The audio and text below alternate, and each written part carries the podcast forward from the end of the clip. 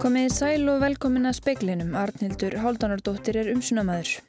Að minnstakosti þrjár konur tengjast málum lögumanns sem var handtekinn á jólanótt vegna grunnsum kynferðisbrot og frelsisviftingu.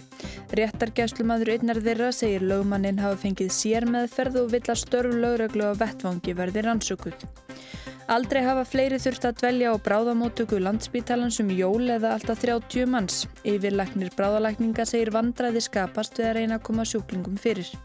Óttast er að gróðureldar sem hafa geisað í Ástralju síðan í oktober breyðist enn frekar út í hýtabilgju sem spáðir næstu daga. Veðurstofan spáir suðvestan kvassviðri eða stormi austan til á landinu færð fer vestnandi við um land. 46.000 manns lögðu leið sína í ríkið á Þorláksmessu fleiri en nokkur sinni fyrr. Við revjum upp það sem gerðist í stjórnmálum og ferðarþjónustu á þessum áratug. Stjórnmálaprofessor segir að hann hafi engjast af miklu vantrausti. Hótelrekandi segir Airbnb hafa breytt öllu. Að minnstakosti þrjár konur tengjast málum Kristjáns Gunnars Valdemarssonar lögmanns sem sittur í gæsluvarhaldi grunaður um frelsissviftingu og kynferðisbrott. Réttargæslumadur einst þólanda fullir þér að Kristján hafi lotið sér meðferð vegna stöðu sinnar í þjóðfélaginu og hefur farið fram á rannsókn á störfum lögreglu og vettvangi. Frettastofa greindi fyrst frá því í gæra að Karlmaður hefði verið handtekinn á heimili sínu í Vestubæri Reykjavíkur vegna grunnsum frelsissviftingu og kynferðisbrott. Hann var fyrst handekinn á þólagsmessu en svo látin laus áður en hann var handekinn aftur á jólanót og þá úrskurðaður í gæsluvaraldir sunnudags. Hinn handekni heitir Kristján Gunnar Valdimarsson. Hann er starfandi lögmaður, lektor við Háskóla Íslands og einn helsti skattasíafræðingu landsins. Fréttastofa hefur rætt við réttagislumenn þryggja kvenna sem hafa staðfestu fréttastofu að skjólstæðingar þeirra tengi smálum Kristjáns Gunnars. Skýslutaka með þólendum hefur staðið yfir allan dag. Saga Íri Jónsdóttir, réttagislumadur eins brótaþóla, Gaggrinni harlega að Kristján hafi ekki verið handtekinn það 22. desember þegar laurugla var fyrst kvötta heimili hans. Þá þegar hafi verið uppi raukstötu grunur um fíknirfnanislu á heimilinu. Meðferðin sem var þarna á vettfangi 22. og 23. desember er öllu algjörlega óútskýranleg. Til þú að hengur grunna hafi ekki sérmeðferð vegna þess hver hann er? Er það ekki auðvitað svar? Jú, ég bara því meður. Eins leðilegt og mér þykir að segja það og ég bjóst aldrei við því að ég myndi segja í fjölmjölum að einhver fengi sér meðferð.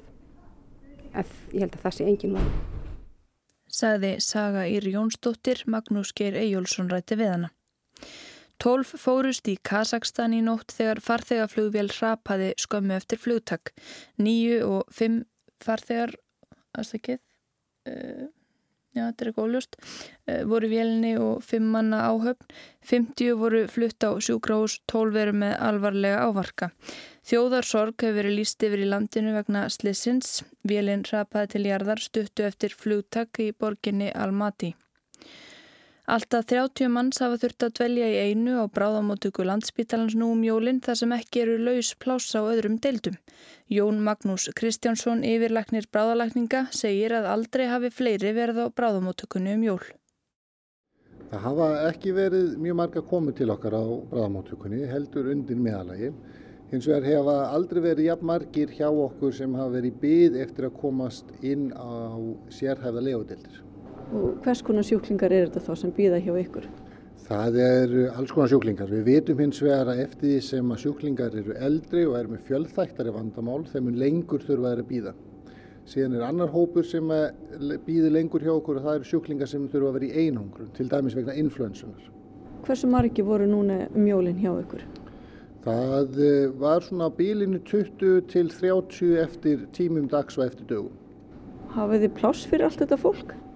Við lendum svolítið í vandræðum þetta eru svona margir að því að það eru um það bíl 34 pláss á hluta, þessum hluta bráðamóttökunar.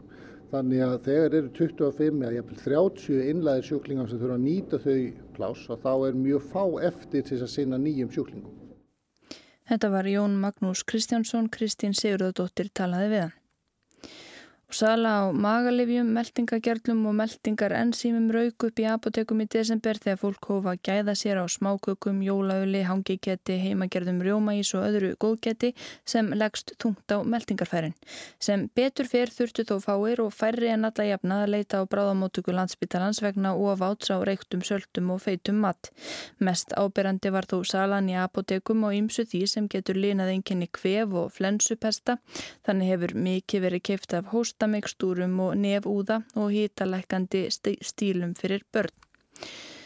Ástralir búa sig undir enn eina hítabilgjuna, óttast er að gróðureldar sem hafa geisað í landinu síðan í óttúber eigi eftir að breyðast enn frekar út í hítanum.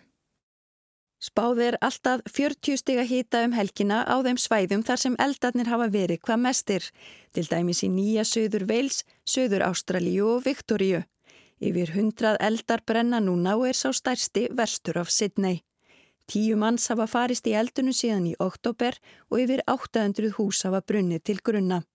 Sein Fitzemans, slökkvilistjóri Nýja Söður Veils, segir að slökkvilismenn hafi nýtt síðustu daga til undirbúnings. We are seeing the temperature starting to rise over the coming days. We're seeing this heat wave starting to move across New South Wales again. That's going to bring not just the heat out of the centre of Australia. Hittu nú eftir að hækka næstu daga og við sjáum að hitabilgjan fer yfir nýja Suðurveils aftur. Það þýðir ekki aðeins hækkandi hita um miðbygg Ástralíu, heldur verður hitin um og yfir 40 gráður á mörgum svæðum, segir slökkulistjórin. Auk þess verði loftið mjög þurrt og það auki hættu á gróðureldum. Dagni Hulda Erlandsdóttir tók saman.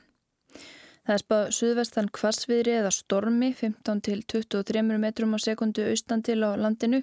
Gular viðvaranir er í gildi á Norðurlandi eistra, Östurlanda, Glettingi, Östfjörðum og Suðausturlandi. Vindkviður geta farið í 35 til 40 metra á sekundu. Á Norðurlandi, Eistra og Austurlanda Glettingi verður kvastast í vindstrengjum við fjöll. Á Austfjörðum er búist við mestum vind á Annesjum og á Suðausturlandi verður kvastast í Uræfum og Austan þeirra. Færð getur spilst og hvetur veðurstofan fólk til þess að huga lausamunum. Á vef vegagerðarinnar er varað við vestnandi hálku í flestum landslutum vegna línandi veðurs. Það er viða flughált svo sem í Ísafjörðardjúpi og Árnesrepp á ströndum og milli Ásbyrgis og Kópaskers. Veðstofan spáur umleipingum næstu daga híti verður um og yfir frostmarki yfirleitt rigning á lálendi en lengri þurrir kaplar norðaustan til á landinu. Það á svo að frista aftur eftir nýjástag með snjókomu engum á norðanverðu landinu. Fjöldi fólks lagði leysin í verslanir í dag. Mart var um mannin í kringlunni og mikið var að gera hjá kaupmönnum að taka við gjöfum sem af einhverjum ástæðum hitt ekki í mark. Yngvar Þór Björnsson, fréttamaður, tók fólk sem var að skila gjöfum í kringlunni tali í dag. Ég var að skipta fennipakk í 6 skr. norður í annan fennipakk öðru svo litin. Og ég var að skipta sokkum í peysu. Mér fannst þetta ekki alveg flottir og mér langaði að fá eitthvað annað í staðin. Já, mér líka. Mér finnst þetta ekki náðu flott litur. Ég þau bara að fara að skipta einni gjöf sem hún átti nú þegar. Þannig að, já. Og, og hverju er það að skipta og er það búin að ákvæða í hvað þið að skipta? Já, hún fekk bók. Hún fara aðra bók í staðin. Ég er að skipta þessari forláta kitchenit hrærivél sem ég búið að reyma um frá fæðingu. Og hvað ætlar að skipta í? Sko bara annan lit sem mósagræni var ekki alveg fyrir mig. Þannig ég verði með þennan hérna, eplarauðan. Ég er að skila íþróttösku því ég fekk tvær eins. Og hvað, veistu hvað þú ætlar að fá í staðin? Uh, nei, líklega einhvern íþrótt að fatna. Yngvar Þór Björnsson tók pistilinn saman. Aldrei hafa fleiri viðskiptavinnir komið í verslanir vínbúðana en á Þorlásmessu, segir Sigrún Ósk Sigurðardóttir aðstóðar forstjóri átífaferr. Þeir vorum 46.000 talsins, 2.000 fleiri en þegar fyrramet var sett. Í svari átífaferr við fyrirspurt fréttastofu kemur fram að áfengissala það sem afir ári sífið meiri en á sama tímabili í fyrra. Hún hefur aukist um rúm 3% og hafa rúmlega 22 miljónir lítra selst á þessu tímabili. Sala í vikunni fyrir jól frá 18. desember til og með aðfangadegi var tæplega 6% meiri en á sama tímabili í fyrra. Á Þorlagsmessu seldust 261.000 af þeim 780.000 lítrum sem seldust á vikuna. Meira af jólabjór seldist nú en fyrir síðustu jól eða rétt tæplega 700.000 lítrar og nefnir aukningin milli ára tæplega 5%. Júlebrygg frá danska bjórframleðendunum Túborg var mest seldi jólabjórin, þar og eftir eru Viking jólabjór, Túlegi jólabjór, Jólagull og Jólakaldi. Sala freyðivins og kampavins hefur aukist mikið á árinu. Alls eldust 221.000 lítrar og er það tæplega 31% meira enn í fyrra. Mikill samdráttur hefur verið í sölu á ávakstavíni milli ára. Þorvarður Pálsson saði frá. Og þá revjum við upp það sem gerðist í stjórnmálum og ferðaþjónustu þennan áratugin. Stjórnmálaprófessor segir að þessi áratugur hafi einkennst af mjög miklu vantrausti. Algjör um pólun hafi orðið í íslenskum stjórnmálum sem hafi litast af því að mennsju að vinna sig út úr hruninu mikla. Það má kannski segja að uh, krísan hafi orðið miklu meiri á einu pólitiska sviði heldur en á öfnagasviðinu út úr hruninu uh, svo kallaða og við sjáum að uh, stjórnmálaflokkarnir hafa um, átti miklu mervileikum með að uh, ná til að mynda bara fyrir styrk og uh, trösti almennings í sinn garð. Uh, það hefur, þessi áratugur hefur einnkenst af mjög miklu vantrösti í garð, bara í garð stjórnmála lífsins í heilsinni og í gard stjórnmálaflokkana og þetta hefur við séð til að mynda í því að ríkistjórnir hafa bara mjög erfitt með að lifa af kjörtímabilin. Við höfum kosið óvanalega oft uh, á þessum uh, áratug uh, en það má kannski segja að allra senustu árum hafi komið svona ákveðin rói yfir á nýjanleika. Segir Eiríkur Bergmann, stjórnmálaprófessor við háskólan á Bifröst. Þennan áratöku hafa fimm ríkistjórnir setið við völd og það hefur verið kosið fjórum sinnum. Tvær ríkistjórnir hafa ekki setið út í kjörnumabilið. Eiríkur segir að svo verið sem fjórflokkurinn hafi mistið yfirbörastöðu sín á þessum áratök. Hann hafi gegnum tíðina geta treysta og samanlagt fylgja á bylunu 80 til 90% og skipst á að setja við völd. Þetta er gjör breytt. Nún eru átta flokkar inn á alþingi sem er algjört met. Eh, í senustu kannun mældust nýju flokkar inn á þingi. Uh, engin flokkur fyrir mikið yfir uh, 15 uh, atkvaða og þetta er gríðarlega mikil breyting frá því sem, að, frá, frá því sem var og, og fjórflokkurinn má telja sko heppin að halda meirhluta við aðra nýri flokka. Frá kostningunum með 2009 hafa um 20 frambóð skotu upp kollunum en ekki hafa öll að náða bjóða fram til alþingis. En er eitthvað sem einkennir þessi nýju frambóð? Eiríkur segir að þau séu reyndar af nokkuð ólíkum toga í fyrsta lægi séu það frambóð sem er sprutt upp úr hrununu og því vantrausti sem ríkti. Dæmið um það sé til dæmis borgararhefingin sem var svo að rhefingunni, píratar sem enn sitja á þingi og svipaðu sögum eða segjum flokk fólksins. Svo séu önnur dæmið um frambóð af allt öðrum toga, björt framtíð sem kom og fór. Það er flokkur sem að uh, vissulega skoraði uh, svona fjórflokkinn og, og þessi hefbundu stjórnmál á, á hólm en gerði það á allt annan hátt. Þar var hugmyndinu að að færa fram svona eh, einhverja vandaða skinsemishyggju og, og röggræðu og kurteysi og þess að þar og það reyndist nú ekki mikil eftirspurn eftir, eftir slíkum flokki sem að mér finnst líka aðteglisvert, það er tíman að tákna að flokkur sem að forðast átök, hann er ekki endilega máli. Önnur frambóðu tengjast klopningi úr öðrum flokkum, hann efni viðreist nefn þrjálslindi brot sem fór úr sjálfstæðisflokknum, meðal annars vegna ágreinings um alþjóðamál. Uppgerið í framsóknarflokknum hafi hins vegar verið meira af personlegum ástæðum, frambóðun sé á ólíkum toga. En fjöldi þeirra samanlagt segir auðvitað þá sögu að það er miklu meiri olga í íslensku stjórnmálum eða var það allavega lengst af þessum áratug heldur en við áttum að vennjast áratugina á undan.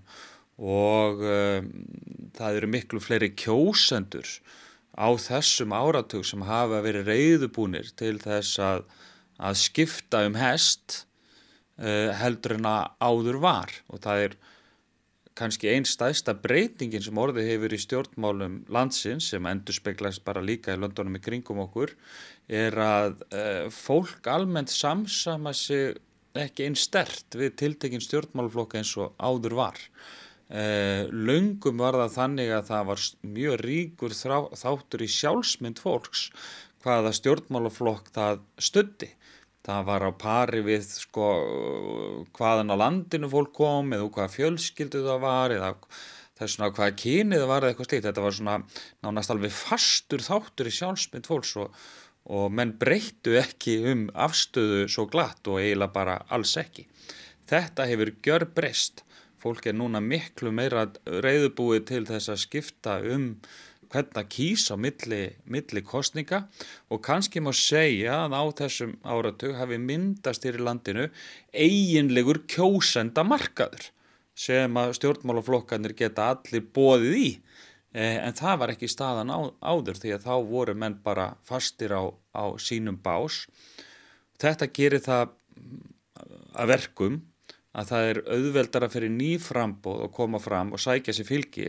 En þetta gerir það líka verkum að það er miklu erfiðar að lifa af til langsframa og það er það sem við sjáum í þessari tölu sem að þú hér nefnir af miklum fjölda frambúða að þau vissulega koma og þau vissulega geta náða árangri en þau eru gjörna á að hverfa mér hratt. En hefur þróunni hér á hennu pólitíska vettvangi verið einhver leita á skjön við það sem hefur verið að gerast í Vestur-Európu og víðar þar sem henni sókullu populísku flokkar hafa náð fylgjum.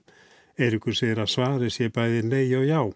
Í grundvallaradröfum er sé að sjá sama óróan og vantraustið Hann bendir á að hér hafið þjóðarnir síkjan ekki verið útrópuð eins og var víða í Vestur-Evrópu á eftirstrís árónum. Á Íslandi var aldrei neitt þörf til þess að skora stjórnmálakerfið og holm á þjóðarnislegum grundvelli vegna þess að þjóðarnisíkja, getur sagt þessi mildar í útgáfa þjóðarnisíkjunar, lifði bara ágættu lífi innan vel flestra stjórnmálaflokka á Íslandi á 20. stöldinni. Nú í öðru lagi að þá hafa þessir flokkar í Evrópu engum og sérilagi náð árangri þegar þeir hafa stilt sér upp í andstöðu við innflytjendur. Aðalega við innflytjendur frá Norður Af eh, Afríku og Miðaustulöndum gegn þessu múslima samfélögum sem við þekkjum í það í Evrópu. En á Íslandi er líka annað sérkenni sem er það að samsetning innflytjenda hér er með alltur um hætti. Hér eru engin muslima samfélög, það er hvergi til það hverfi á Íslandi sem ber svipmót af miðausturlöndum og þrátt fyrir allt þá getur verið erfitt að vera fyrst og fremst í andstöðu við eitthvað sem ekki til. Og í þriðja lagi má kannski segja að uh, þessi flokkar í Európu hafa yfirleitt allt annað máli þegar fyrir þeim hefur farið karismatískur öflugur leiðtogi og, og slíkan hefur við kannski ekki séð akkurat á þessum kanti á Íslandi. Hins vegar eru hérna flokkar sem að eh, sumir hafa flokkað sem svona hálf populíska allavega og sikkorum endanum. Hann nefnir annars vegar pírata sem flokkist þó nær því að vera vennilu flokkur heldur en populískur. Hann hafi nátt töluverðu óanauðu fylgi sem hafi beinstað stjórnmála kerfinu. Svo hafi miðflokkurinn tekið miklu skýrari þjóðrindislega stefnu. Heldur en við höfum áður séð í íslensku stjórnmálaflokkum með tákmyndum sem að vísa beintið í þjóðin og svo framvegis. Ég myndi líka segja að hann var líkari venjulegu meginströmsflokki heldur en klassiskum populískum flokki en þjóðetinsíkjan er þar mjög skýr. Þannig að þráttur að byrtingamyndin hjá Íslandi sé kannski öðruvísi eh, heldur en víðars hvar í kringum okkur að þá sjáum við nákvæmlega sömu öll eh, að verki en þau bara koma fram með aðeins öðrum hætti.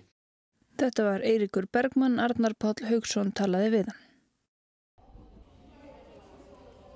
Við fundum kósi íbúð á Airbnb og tókum Uber frá flugvellunum. Við fórum í túr með ferðarskrifstofu sem með 4,5 á TripAdvisor.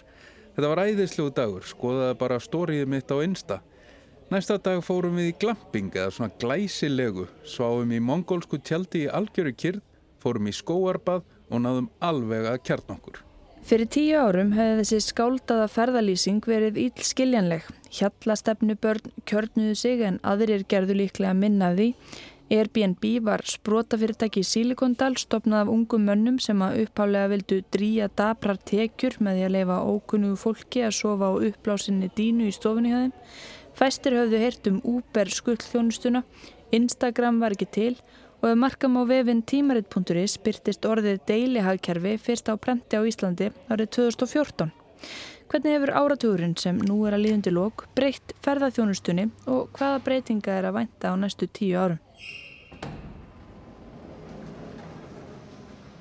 Já, ég heiti Kristófer Ólöfesson og ég er frangöldastjóri fyrir Center Hotels, hótelkeðuna hérna í miðborginni. Þú ert búin að vera lengi í bransanum? Já, ég er búin að vera ja, 25 ár og, og við hjóninn. Ef þú hugsa nú bara 10 ár aftur í tíman, ef við segjum bara að Kristófer í dag ætti fund með Kristófer þá og ætti að segja honum eitthvað svona hvað var í vændum, hvað myndur þú segja sjálfum þér að þessi áratugur sem nú er að ljúka myndi byrja í skauti sér? Já, það, ég myndi náttúrulega varan við sko að Airbnb þróunni því að hún kom mjög óvænt. Á þeim tíma gæt maður séð nokkur veginn, hótel voru fjögur-fimm ári uppbyggingu, maður gæti reikna nákvæmlega út hvað var að koma á markaðin en, en e, allt í einu voru komunar þúsundir íbúða í beina samkeppni við hótelin sem að gjör breyttu markastöðunni og svo á þessum árum var náttúrulega Expedia og Booking og það svona að gera sér gildandi og mjög hröð þróun í því og það breytti verulega myndinni því að áður voru það þessar stóru keðjur, Hilton, Marriott og aðri sem að, ég hvað ég var að segja, réður svolítið allþjóðamarkaðnum þessar, keðju, þess, þessar bókunarvélar eða þessi fyrirtæki eins og Booking og Expedia og fleiri e, gerðu það verkum að hver raun og veru farið á allþjóðamarkað svo lesa þetta voru, voru gríðarlega breytingar í kjölfarið Kristófer segir það að mörguleiti jákvægt að öll fyrirtæki komist á alþjóðamarkað og mörgum finnist bókunar síðunar taka og mikið fyrir sinn snúð. Það gildi þó svo sem ferðaskrifstofu líka. En e, Airbnb og þessi íbúðagýsting hefur verið mjög erfið breyting og, og því miður lítið e, skilningur á hversu alvarlegt það er og, og hversu raun og veru vittlust það er að leggja e, stóra fleiri hektara í miðborginni hér og viðar þetta raskar svo mikið samfélaginu þessi, þessi breyting sem hefur orðið þar. Upphálega snýrist Airbnb um það að kynast samfélaginu betur, ferðamenn dvöldu og heimili fólks inn í hverfum. Kristófer segir þetta breytt í dag. Í dag sé Airbnb hreitn og klár hótelrækstur. Það eru bara líkla kassi utan á dýrunum, það er ekkit, það er engin lokal upplifun sem slík. Það er, það er verið þróun, það er einhver innan við 5% sem eru með herbeggi heima hjá sér. Já, liklabóksinn skutu við upp kollinum síðastliðin áratug.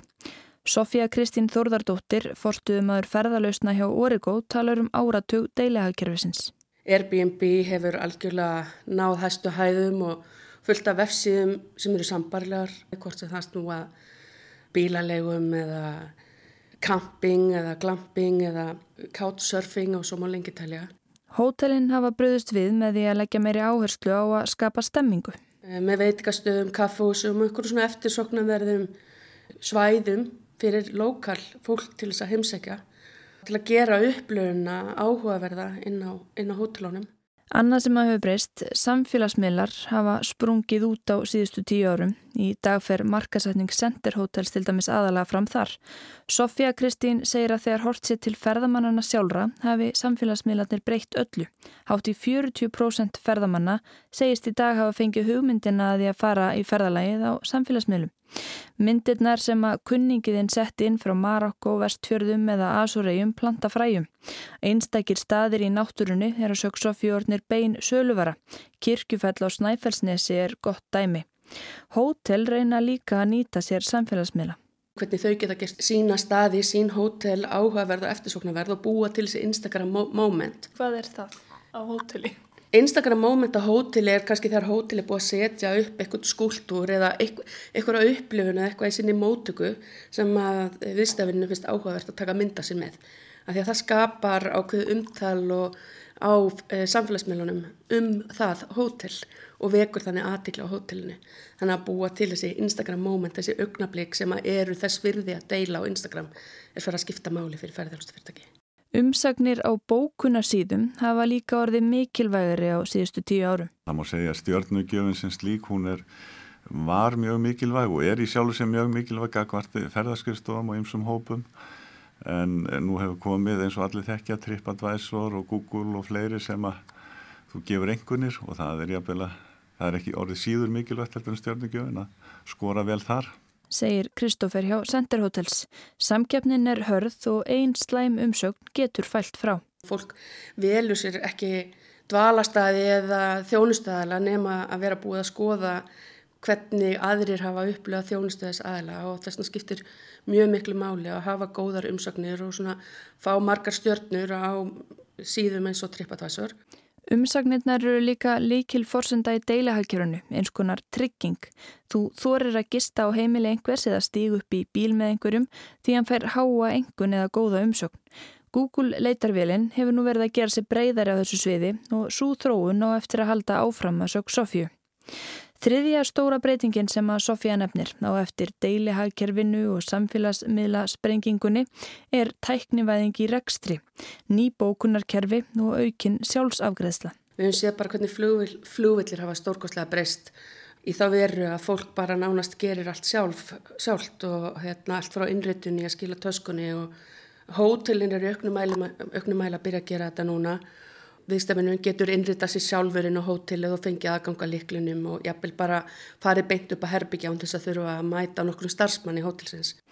Hún segir að ferðamenn gleðjist yfir því að sleppa við raðirnar, fjárfestingarnar geti verið dýrar fyrir fyrirtækin en þær skilir sér til lengri tíma litið. Það eru nöðsynlegar vegna þess að allur heimurinn stefnir þangað og, öll, og, og þau fyrirtæki sem standa sig hvað best, þau innleiða þessar breytingar hraðar Í ferðarþjónustun á Íslandi hefur áratugurinn litast af miklum vexti.